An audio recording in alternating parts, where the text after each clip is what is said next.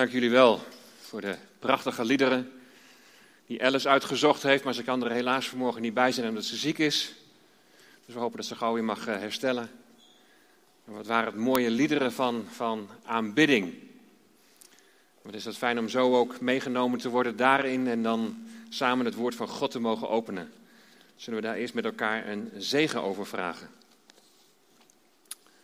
Trouwe God, Hemelse Vader, u hebt ons gemaakt, heren, om u te aanbidden. Hier, we hebben het verlangen, Heer, om uh, ja, op dit moment stil te zijn, in de rust te zijn en ja, van u te ontvangen vanuit uw woord. Wilt u spreken door uw woord, door uw geest? Heer, wilt u maar geven wat we nodig hebben? Wilt u bemoedigen, aansporen, corrigeren? Dank u wel, Heer, dat we ons zo mogen uitstrekken naar u. Dat we ons leven zo voor u neer mogen leggen. Heer, geeft u wat u wilt dat wij ontvangen. En dat we daar een geopend hart voor mogen hebben. Leid door uw heilige geest ook in het lezen en verkondigen. Heer, want we kunnen niets van onszelf, maar zijn in alles afhankelijk van u. Komt u maar tot uw doel in Jezus' naam. Amen. We zijn hier uh, iedere morgen al om acht uur. En ik was bijna weer naar huis gegaan. Want Willem die zei, ik heb een bord bij jou in de tuin gezien. Daar stond, Bert is met pensioen, hij heeft niks meer te doen. In de vakantie. Nou, ik weet niet of, heb je, heb je het niet gedroomd? Nee, hij zegt, ik heb het echt gezien. Dus als iemand dat kan bevestigen, dan graag even aan Willem doorgeven. We hebben nog heel veel te doen. Ach ja, en wat is pensioen? Het leven met de Heer gaat altijd door. Ik was onder de indruk van het filmpje uit de Himalaya. Wat een andere omstandigheden zeg maar wel die spirit en die drive van deze mensen moeten de Heer Jezus leren kennen. Nou, dat zien we in boekhandelingen ook voortdurend. Voortdurend verkondiging en mensen moeten de Heer Jezus leren kennen. Getuigen van de opgestane Heer. Nou, ik ga dus zoals gezegd zo meteen weer verder met het Bijbelboek Handelingen. En het thema is één in de strijd, VVV. We gaan even de aansluiting zoeken waar we gebleven zijn in het Bijbelboek Handelingen. Paulus en Barnabas die, die hebben net hun eerste zendingsreis achter de rug. Nou, we hebben daar een klein beetje beeld van gekregen, denk ik, dat door die Himalaya lopend zo. Uh, kan me er iets bij voorstellen dat het misschien bij Paulus en Barnabas ook wel zoiets moet zijn geweest.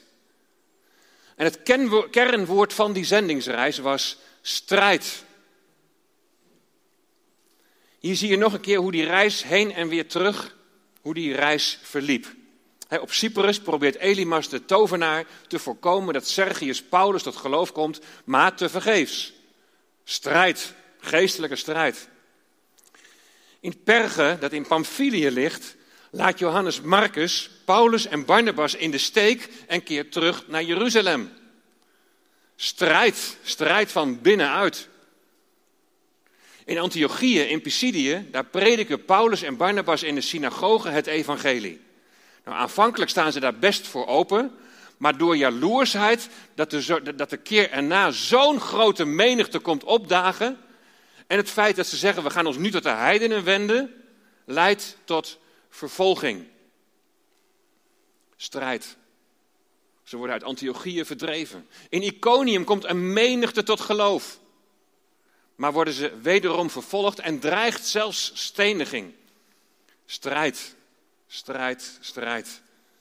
Ze vluchten en komen dan in Lyconië, waar Listeren en Derbe liggen. En in Listeren genezen ze een kreupele man, maar de bevolking daar ziet het niet als een werk van God. Paulus en Barnabas worden tot hun verdriet vergeleken met, met de Griekse goden Zeus en Hermes. Geestelijke strijd. Op een gegeven moment komen er Joden uit Antiochië en Iconium, die komen de boel opstoken. En dan wordt Paulus daadwerkelijk gestenigd. Wat hij wonde wel overleeft. Strijd. En dan gaan ze naar Derbe, waar ze veel discipelen maken. En ze keren via dezelfde weg weer terug om vervolgens de gemeenten te bemoedigen en te versterken. Met voor gevaar voor eigen leven hebben ze het evangelie gebracht. Om mensen die dood zijn in hun overtredingen en zonden tot leven te wekken. En teruggekomen in Antiochië, in Syrië, doen ze verslag aan de gemeente. Waar de Heer Jezus wordt verkondigd, daar ontstaat strijd. En wat is het dan belangrijk om als gelovigen, om dan één in die strijd te zijn? En dan denk je, ze komen weer terug in de moedergemeente. Ze komen weer terug bij hun broers en zussen. He, eindelijk rust. Nee hoor, strijd. Na verloop van tijd ontstaat er onrust in de gemeente, omdat er een groep Joodse gelovigen is die vinden dat de heidenen, dus de niet-Joden, dat zij zich moeten laten besnijden. Onrust. En Paulus en Barnabas en een groepje met hen, die besluiten dan om naar Jeruzalem te gaan. Ja, ja, zo'n 600 kilometer, even zuidwaarts naar Jeruzalem, om het daar aan de apostelen en de oudsten van de moederkerk voor te leggen. En de vorige keer heb ik eh, Handelingen 15 tot en met vers 30 gelezen. En ik pak het nu weer op bij vers 28. Want dan nemen we nog één keer dat besluit wat daar genomen is, nemen we dan mee. Namelijk de heidenen moesten zich aan vier dingen houden. En die vier dingen die hadden heel sterk te maken met de heidense afgodendienst in die tijd. Handelingen 15 vanaf vers 28. Want het heeft de Heilige Geest en ons goed gedacht u verder geen last op te leggen dan deze noodzakelijke dingen. Dat u zich onthoudt van afgodenoffers, van bloed, van het verstikte en van hoererij. Als u zich ver van deze dingen houdt, dan zult u juist handelen. Vaarwel. En toen men afscheid van hen genomen had, gingen ze naar Antiochië, dus weer 600 meter naar omhoog. En na de menigte bijeengeroepen te hebben, overhandigden zij de brief. Dus in Jeruzalem is een brief opgesteld met wat er bepaald is. En die wordt dus zo in de gemeenten gedropt, neergelegd van zo is het. En toen ze die gelezen hadden, verblijden ze zich over de bemoediging. Judas nu en Silas, dus weer twee anderen, waren Barnabas en Paulus, nu Judas nu en Silas, die ook zelf profeten waren, die bemoedigden de broeders met veel woorden en sterkten hen. En nadat ze daar gebleven waren, lieten de broeders hen, Judas en Silas, met vrede teruggaan naar de apostelen in Jeruzalem. Maar het dacht Silas goed om daar te blijven. En Paulus en Barnabas verbleven in Antiochië en ze onderwezen en verkondigden met nog veel anderen het woord van de Here. En na enkele dagen zei Paulus tegen Barnabas: Laten we nu terugkeren en onze broeders bezoeken in elke stad waar wij het woord van de Here verkondigd hebben. En laten we zien hoe het met hen gaat. Dus weer opnieuw die eerste zendingsreis. Nu wilde Barnabas, die wilde, wilde Johannes, die ook Marcus heet, dus die Johannes Marcus, die wilde hij meenemen. Paulus achtte het echter niet juist om hen om hem, die hen van Pamphylië af verlaten had en niet met hem meegegaan was, die hun dus in de steek had gelaten, om hem maar niet mee te nemen. En er ontstond daarom verbittering, zodat ze uit elkaar gingen en Barnabas Marcus meenam per schip naar Cyprus. Maar Paulus koos Silas en vertrok nadat hij door de broeders aan de genade van God opgedragen was. En hij reisde door Syrië en Cilicië en sterkte de gemeente. Tot zover. Nog even op een rijtje met het kaartje erbij. Vers 34 en 35. Paulus, Barnabas en Silas blijven dus in eerste instantie in Antiochië. In vers 38 lezen we nog een keer dat Johannes Marcus hen in de steek heeft gelaten vanaf Perge in Pamphylië. Vers 39, Barnabas en Marcus, die gaan naar Cyprus. En Paulus en Silas naar Syrië en Cilicië. En in hoofdstuk 16 zul je dan zien dat ze vandaar naar Listeren en Derbe gaan.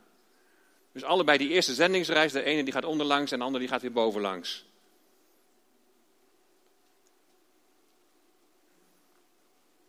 Eén in de strijd, VVV. dat klinkt als zo'n jel. Toen ik met de voorbereiding bezig was, toen zei ik tegen Karen, ik ga de hele kerk daarin meenemen, allemaal opstaan, allemaal één in de strijd, VVV. Dat ga je toch niet doen, hè, zegt ze. Ik zei, nee, natuurlijk niet. ik heb een wijze vrouw. Eén in de strijd, VVV. Je hebt vast wel eens van de VVV gehoord. Wie is daar in de vakantie toevallig geweest bij een VVV? Helemaal niemand. Nou, je hebt tegenwoordig natuurlijk meneer Google, die weet, weet zo gigantisch veel, dat je bijna geen informatie meer nodig hebt. Hè? Weet je wel wat de afkorting betekent, VVV? Ook niet? Vereniging voor Vreemdelingenverkeer. Nou, de VVV van Emmeloord, ja, die stelt niet zoveel voor helaas. Want we hebben geen vaste VVV, maar wel een paar punten waar je dan uh, terecht kunt. Hè, in het voorhuis en in, in uh, hoe daar ook alweer van de valk. Maar daar proberen ze door dus een beetje het toerisme. Dat is natuurlijk ook niet zo geweldig, het toerisme hè, naar de polder. Onbegrijpelijk toch, want we leven in zo'n prachtig gebied. Maar goed, daar proberen ze dus bij die VVV het toerisme naar de Emmeloord proberen ze te bevorderen. De VVV die geven bezoekers informatie over de betreffende stad en over de streek. En die bemiddelen dan bij het reserveren van overnachtingen en dergelijke. En daarnaast proberen ze dus dat toerisme wat verder te ontwikkelen. Nou, Paulus en Barnabas die doen op hun reizen voor hen heel veel nieuwe steden aan. Nou, als toerist ga je dan in ons geval, hè, zou je bijvoorbeeld naar de VVV kunnen gaan. Als zendeling hè, ga je tegenwoordig ga je de taal leren. Je gaat je in de cultuur verdiepen. Je gaat samenwerken met plaatselijke gemeenten of je gaat zelf gemeenten stichten. Maar hoe ging het nou in de tijd van Paulus? Er was nog geen VVV. Nou, de taal is niet zo'n probleem. Door de recente Griekse overheersing sprak bijna iedereen wel Grieks. Maar er waren nog geen plaatselijke gemeenten om mee samen te werken. Maar er zijn wel synagogen. En daar zoeken ze dus de aansluiting. Het is een kwestie van zoeken naar, naar een aanknopingspunt. En Barnabas en Paulus die vinden dat daar. Er was nog geen VVV. Maar wat er gebeurde als Paulus en Barnabas in zo'n synagoge kwamen, dat was wel VVV. Namelijk verkondiging. En het gevolg van de verkondiging was verspreiding van het evangelie. En het gevolg daarvan was vervolging. Verkondiging, verspreiding, vervolging. Steeds weer terugkerend. We hebben het net samen gelezen. Verkondiging, verspreiding, vervolging. Het omgekeerde hebben we ook wel gezien. Direct al aan het begin. Toen was er vervolging. En door de vervolging kwam de verspreiding van de gelovigen. En daardoor ook op veel meer plekken verkondiging. We zien bij de eerste zendingsreis van Paulus dat door de verkondiging verspreiding van het evangelie plaatsvindt. En velen komen tot geloof. Maar waar de Heer Jezus wordt verkondigd en daar waar vrucht is, daar zal strijd zijn. En wat is het dan belangrijk om één in die strijd te zijn? Eén in de strijd, VVV. Als ik met zo'n prekenserie als handelingen bezig ben, dan, dan moet ik voor mezelf steeds weer scherp krijgen van waar gaat het hier nou ten diepste om. Je hoort mensen nog wel eens zeggen, ja we moeten weer terug als gemeente naar de tijd van handelingen. En de een is onder, onder de indruk van het organisch functioneren van de gemeente. Hij weinig georganiseerd, maar een rijk geestelijk leven. En met als belangrijke ingrediënten je kunt allemaal in Handelingen 2 en 3 kun je het lezen. Onderwijs, gemeenschap, het breken van het brood en de gebeden. Terug naar de eenvoud. Amen. Ik zeg daar ook amen op. Gaandeweg zie je wel dat er het nodige georganiseerd moet worden. Niks mis mee. Als het maar ondergeschikt blijft aan het organisch functioneren van de gemeente als organisatie het werk van de Heilige Geest maar niet belemmert. De ander die bedoelt met terug naar handelingen, terug naar de wonderen en tekenen die er gebeurden. En je ziet daar in de verkondiging dat wonderen en tekenen daarop volgen. Maar die vier ingrediënten en die wonderen en tekenen zijn dat doelen op zich. Kunnen ze zomaar worden. Dat je er iets uitpikt en dat helemaal gaat verabsoluteren als het meest ultieme, het meest belangrijke. Onderwijs, gebed, gemeenschap, wonderen en tekenen. Maar dat is niet het doel. Deze kenmerken, die zijn belangrijk, maar die zijn bedoeld om het doel, ons hoofddoel, in de schijnwerpers te zetten. En dat doel is de Heer Jezus Christus. Als Paulus en Barnabas verkondigen, dan verkondigen zij de opgestane Jezus Christus. Als er sprake is van verspreiding, dan wordt Jezus Christus, de opgestane Heer, die wordt als het ware verspreid. In die zin dat hij door zijn geest woning maakt in harten van mensen die in hem geloven. Als er sprake is van vervolging, dan delen we in het lijden van de Heer Jezus Christus. En dan noemt de Bijbel dat genade. Van die naam moeten de apostelen getuigen. Te beginnen in Jeruzalem en Judea, Samaria, door het uiterste van de aarde. Mensen moeten horen, en je kunt dat lezen in Handelingen 17, vers 30 en 31. In de serie van Handelingen komen daar vanzelf wel. Maar daar staat dat mensen zich moeten bekeren omdat de Heere God een dag vastgesteld heeft waarop Hij de wereld rechtvaardig zal oordelen door een man die Hij daartoe aangesteld heeft. En die man is de Heer Jezus. Er komt een dag, dan zal Hij oordelen en dan is het de vraag of jij Hem toebehoort. De vraag is, heb je je al bekeerd? Je afgekeerd van een leven zonder God? Heb je al beleden dat je een zondaar bent en, en je omgekeerd naar de Heer Jezus Christus? Geloof je in Hem die jouw redder en verlosser is? Want in Christus is er geen veroordeling meer. Want die veroordeling is in Christus aan het kruis gespijkerd. Dus mensen moeten hun vertrouwen leren op de Heer Jezus te gaan stellen. Deze wereld moet Jezus Christus leren kennen. Dan is er vrijspraak als Hij komt om te redden. En dan is er redding. Johannes 3, vers 16 is net bij het kindermoment voorbijgekomen. Het was ook de centrale tekst bij de begrafenis van Teun Verbaan. Het was zijn getuigenis, Johannes 3, vers 16. Want al zo lief heeft God de wereld gehad, opdat een ieder die in hem gelooft, let op, niet verloren gaat, maar eeuwig leven heeft. Het is redding of het is verloren gaan. We hebben altijd een boodschap van leven of dood en dat is een hele ernstige boodschap. Deze wereld moet horen dat er alleen redding is door het bloed van de Heer Jezus. Door het offer dat Hij heeft gebracht. Deze wereld moet horen dat Jezus' opstanding garantie is voor jouw opstanding tot het eeuwige leven.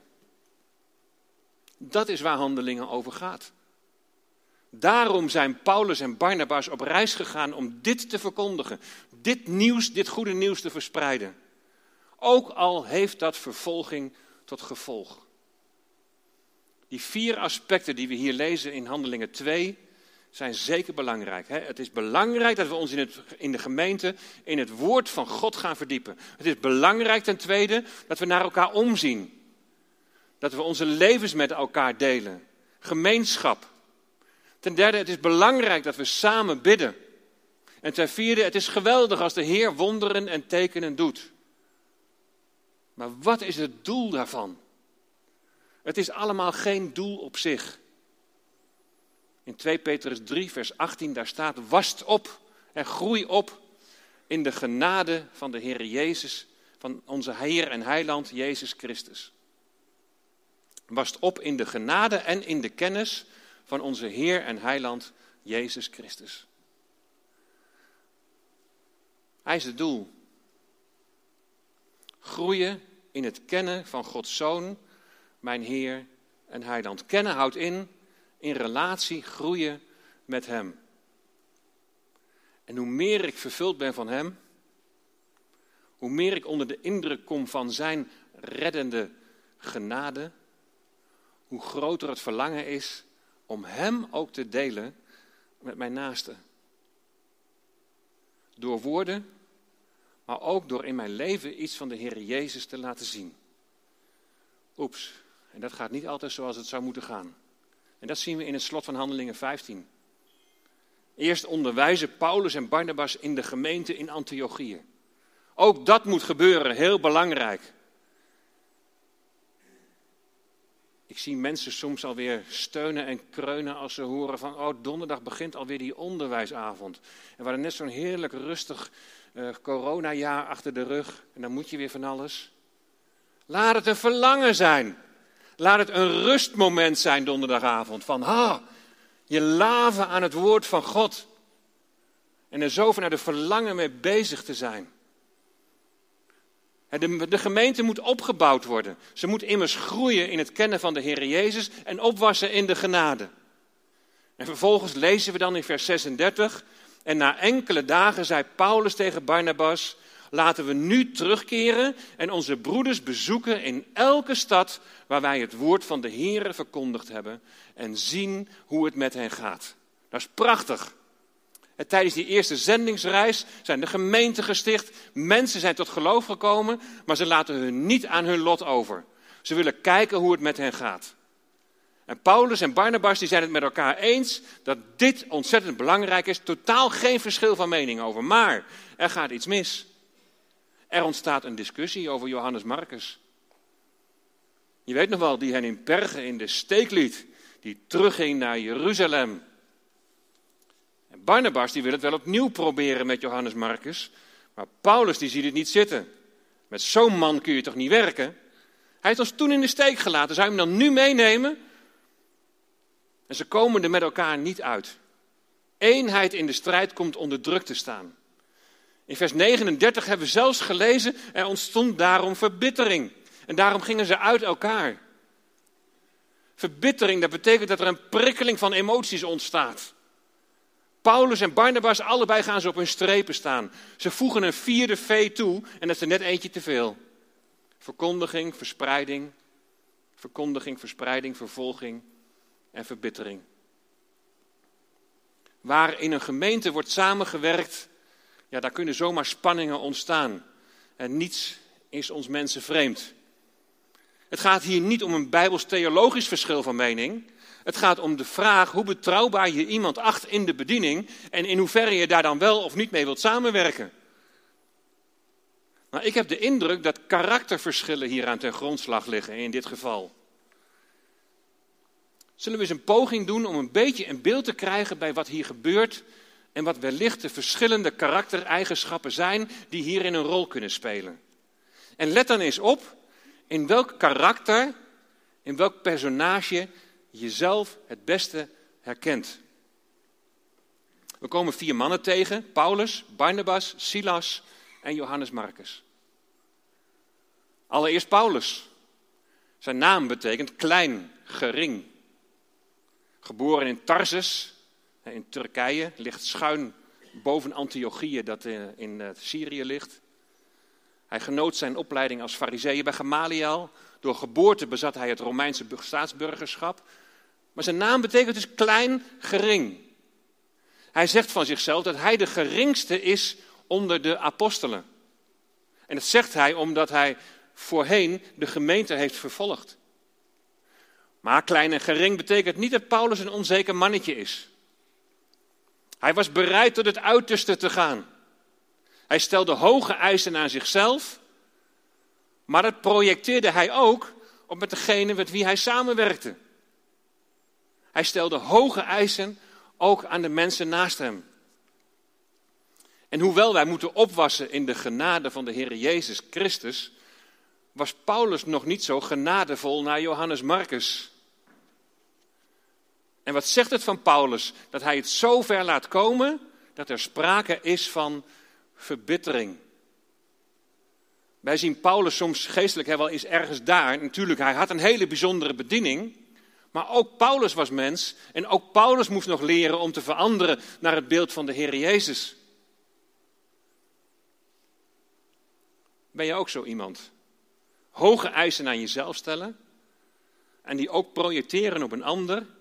En met die ander maar niet zoveel geduld hebben. dan Barnabas. De apostelen hebben hem dit als bijnaam gegeven, want hij heette oorspronkelijk Jozef. Hij was een leviet uit Cyprus. En die naam Barnabas betekent zoon van de vertroosting. Vertroosting is in het Grieks paraklesios. Parakleet staat ook voor de Heilige Geest, de trooster. Barnabas, een trooster. Barnabas meer de, de pastorale van de twee. Heeft hij daarom meer geduld met, met, met Johannes, Marcus? Wil hij hem daarvoor een, daarom wel een tweede kans geven? Of speelt er misschien nog wel iets anders? Herken jij jezelf in Barnabas? Pastoraal bewogen, herderlijk, naast mensen staan, inlevingsvermogen. Johannes Marcus, de derde, zoon van een van de Maria's in het Nieuwe Testament. En ze was een godvrezende vrouw, kunnen we lezen in Handelingen 12, vers 12. Met zijn geloofsopvoeding zat het dus wel goed bij zo'n geloofs, of zo'n godvrezende vrouw. Men gaat ervan uit dat Marcus, Johannes Marcus, een bekeerling was van Petrus, die hem mijn zoon noemt. In 1 Petrus 5, vers 13. In ieder geval verkeerde hij in het gezelschap rondom Petrus en hij gebruikte Petrus getuigenissen. Waarvoor? Om het evangelie te schrijven, het Marcus-evangelie. Zijn Joodse naam is Johannes en zijn Latijnse naam Marcus. Marcos. En die naam betekent onzeker. Liet hij daarom de boel in de steek? Is hij onzeker geworden? Kon hij het op een gegeven moment niet meer aan? Moet iemand die onzeker is en, en een keer heeft gefaald, dan zo worden afgewezen door Paulus, die het tegenovergestelde van onzeker is? Is Johannes Marcus de onzekere, te veel een tegenpol van Paulus? om met elkaar op te kunnen trekken? Had Paulus hem daar niet een klein beetje mee kunnen helpen en hem wat kunnen aanmoedigen om op de Heer Jezus te vertrouwen? Neem dan Barnabas, de zoon der vertroosting. Hij heeft meer begrip. Speelt misschien ook mee dat Johannes Marcus een neef van hem is. Krijgen we hier te maken met familierelaties, een verstrengeling van belangen. Paulus, de leraar, de zekere, Barnabas de pastorale van de vier en Johannes Marcus de onzekere. Herken je misschien wel iets van jezelf bij Johannes Marcus? Zoals Douwe net heel eerlijk zei, op bepaald vlak ben ik best wel onzeker. Om wat voor redenen ben je onzeker? Misschien wel faalangst. Of altijd denken dat die ander, die kan het veel beter dan ik. En dan blijft nog over Silas. Silas is zijn Griekse naam en Silvanus zijn Latijnse naam. En Silas betekent zwijger, stiltemaker. We komen hem verder in handelingen nog tegen als een medewerker van Paulus. hij heeft Petrus geholpen met zijn brief. Hij kon dus met heel verschillende mensen omgaan. Paulus, Petrus zijn heel verschillend. Je krijgt de indruk dat hij een dienende man was. Op de achtergrond aanwezig maar op belangrijke momenten weet hij ook zijn mannetje te staan. Ben jij een Silas? Misschien stilletjes op de achtergrond, niet zo zichtbaar, gewoon heel trouw je werk doen. Eén in de strijd, VVV. Ja, wat gaat er hier mis? Verbittering gaat veel dieper dan een oppervlakkige oneenigheid. Een prikkeling van emoties, zei ik al. Je gevoelens die gaan de boventoon voeren en die zetten de eenheid onder druk. Zijn wij ons er eigenlijk nog wel van bewust waarom wij gemeente zijn met elkaar? Ben je bewust wat het betekent om onderdeel te zijn van het lichaam van Christus? Zijn we ons er nog van bewust dat VVV, verkondiging, verspreiding, vervolging, dat het een steeds eigenlijk normaal terugkerend proces is. Waar geen verkondiging is, is ook geen verspreiding en hoef je ook niet bang te zijn voor vervolging. Of moet er eerst vervolging komen om ons weer wakker te schudden, om ons te laten zien waar gaat het om. De verkondiging van de opgestane Jezus Christus. Nou, wie je ook bent, de zekere of de onzekere, de pastorale, de herderlijke of de stille. Jullie zijn allemaal nodig.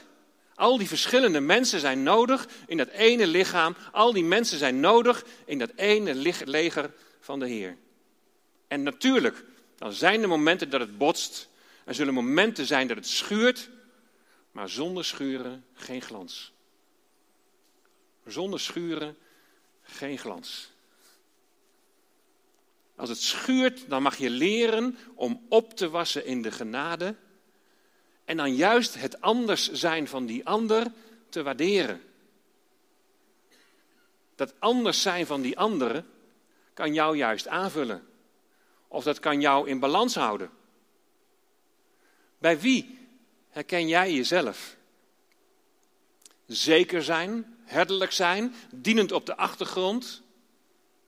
En dat duiden we vaak positief. En onzeker, dat duiden we dan, ja, dat is negatief. Maar zo zwart-wit is het niet. Mijn zekerheid kan ook overkomen als een altijd maar beter weten. En ben ik wel echt zo zeker? Of, of door heel zeker over te komen, verbloem ik misschien wel mijn eigen onzekerheid. Het is heel mooi als je herderlijk, als je pastoraal, als je meevoelend bent. Maar soms moet je ook duidelijk zijn en grenzen trekken en, en, en een niet zo leuke boodschap overbrengen. Het is mooi als je dienend bent, stilletjes op de achtergrond je werk doet. Maar het kan ook zo zijn dat jij je om wat voor reden dan ook op deze manier eigenlijk een beetje verbergt. Er kan zomaar sprake zijn van een valse bescheidenheid. Dat God eigenlijk een taak voor je heeft waar, waarbij je veel meer zichtbaar bent. Maar dat je dat niet aandurft, omdat er dan misschien wel in één keer een veel hogere verwachting is. Er zijn allerlei variaties hierop mogelijk. Het is, het is niet zwart-wit, goed, fout. Je wordt allemaal gevormd en gekneed. Hoe ga jij, ook in het komende seizoen, hoe ga je de Heer dienen? Probeer die personages eens op jezelf te betrekken. En vraag je dan jezelf de vraag van waarom je iets wel of waarom je iets niet doet. Waar ligt jouw kracht? Waar moet nog gekneed worden? Hoeveel genade hebben we om elkaar dat proces te gunnen? Hoeveel genade hebben we om daarin naast elkaar te staan? En kunnen we het aan om elkaar daar een gezonde feedback bijvoorbeeld in te geven? Kunnen we het aan om soms daarin het oneens te zijn met elkaar, zonder dat het tot verbittering leidt? Onzekerheid wordt heel vaak als negatief bestempeld, maar het is niet zo zwart-wit. Het moet natuurlijk niet zo zijn dat onzekerheid je verlamt. Dat moet je, dan moet je je afvragen en misschien met hulp van iemand anders van hoe dat komt en hoe je daar vrij in kunt komen. Maar onzekerheid kan ook heel positief worden geduid.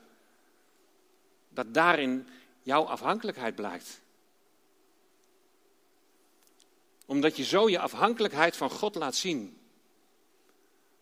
Nou, ik sta hier regelmatig op dit podium en dan in de felle lichten zoals nu. Dus heel zichtbaar voor mensen. En de verwachting is dat je verkondigt. En je zult misschien wel denken, ja, daar staat de zekere. Nou, ik kan je verzekeren dat dit absoluut niet altijd het geval is. Ik weet nog goed dat we vlak na de intrededienst, zeven jaar geleden, dat Karin en ik hier achter in die lege kerkzaal stonden. En we zagen al die stoelen staan.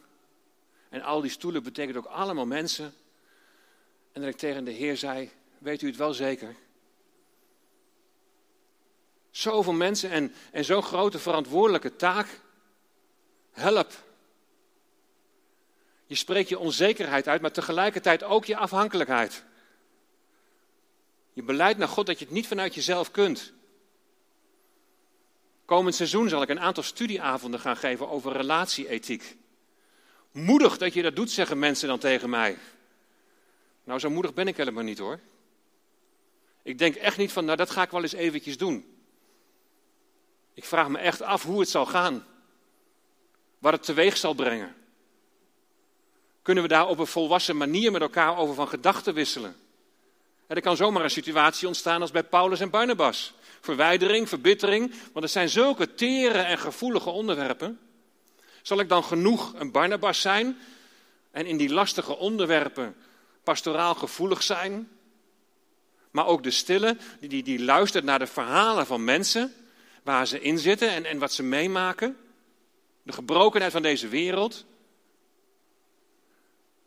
Zal ik ook de zekere zijn, die, die, die pastoraal gevoelig is en die luistert, zonder daarbij de waarheid van Gods woord en zijn wil geweld aan te doen? Het zijn best wel dingen die door me heen gaan. Het gaat allemaal niet vanzelf. Er zijn zeker vaker momenten van onzekerheid, maar daarbij dan ook direct van afhankelijkheid. Heren, ik weet het niet, ik kan het niet, maar wilt u het maar doen? Johannes Marcus, de onzekere. Uiteindelijk, en dat is mooi, komt het goed tussen Paulus en Johannes Marcus. Dat blijkt uit de volgende tekst, 2 Timotheus 4, vers 11. Alleen Lucas is bij mij. Haal Marcus op, dat is Johannes Marcus, en breng hem met je mee, want hij is mij van veel nut voor de dienst. Mooi hè? Het komt weer goed met Paulus. Marcus werd een gewaardeerd medewerker van Paulus. En ook stond hij in nauw contact met Petrus. Ik zei al, Petrus die noemt hem in 1 Petrus 5 vers 13 mijn zoon. En zo werd hij schrijver van het Marcus-evangelie. Dankzij deze onzekere man hebben miljoenen mensen tot op de dag van vandaag gelezen over het evangelie, over het goede nieuws, over het leven van de Heer Jezus. Mooi is dat. We staan aan het begin van een nieuw seizoen. En je mag dienen met de gaven die God jou gegeven heeft. Verkondiging. Op welke manier ga je dat doen? Door zang en muziek? Bij kinderen of bij jongeren? Door gastvrijheid te tonen bij het schenken van de koffie? Door je trouw te laten zien bij het steeds maar weer schoonmaken van de kerk? Waar die iedere dinsdagmiddag een ploeg is die dat al jaren met elkaar doet. Ondersteunen bij evangelisatie. Of misschien ben jij wel die pastorale, die goed kan luisteren. Hou voortdurend voor ogen dat je moet opwassen in de genade. In het besef dat God een gevende God is. Dat betekent dat wij afhankelijk zijn en van Hem moeten ontvangen. God geeft gaven en Hij rust toe, Hij maakt bekwaam. Je hoeft alleen maar te zeggen, en dat zei Teun ook, we hebben het maandag ook nog weer aangehaald.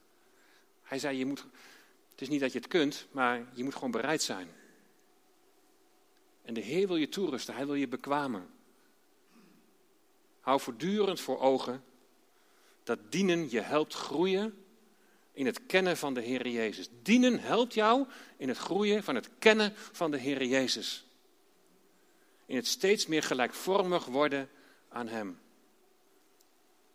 Want je gaat schuren. Maar zonder schuren geen glans. Dan kan, strijd, dan kan de strijd zijn van binnenuit, maar er komt gegarandeerd strijd van buitenaf. Lieve mensen, we hebben elkaar nodig. Eén lichaam zijn we met elkaar. Geroepen om het hoofd, de Heer Jezus, te eren en zijn wil te doen. We gaan een lied zingen en zing het als een gebed. Wees mijn verlangen, o Heer van mijn hart. Leer mij u kennen in vreugde en in smart. Laat mijn gedachten op u zijn gericht. Bij u te wonen is al wat ik wens. Bij u te wonen is al wat ik wens. Ja, wijst al naar de toekomst natuurlijk. Ik vond het zo mooi om te horen. Vanmorgen iemand was bij de begrafenisdienst geweest. En die zei, ik vond het zo moeilijk. Ik, stond zo, ik had zo'n bijzondere relatie met Teun. Maar eigenlijk aan het eind van de dienst, waar er zoveel beleefd gezongen, gehoord, gelezen, die, was ik eigenlijk jaloers op hem. Toen dacht ik, hij is er al, bij de Heer Jezus. Bij u te wonen is al wat ik wens. Maar je mag het ook op nu betrekken. Want er is nu toegang in het heiligdom, in geestelijke zin. En in het heiligdom voor Gods troon. Daar in de rust komen, van Hem ontvangen en van daaruit dienen. Dan wordt het geen last, maar dan wordt het een verlangen. Bij u te wonen is al wat ik wens. Met als beloning dat ik op u lijk. Hemelse koning, pas dan ben ik rijk. Amen.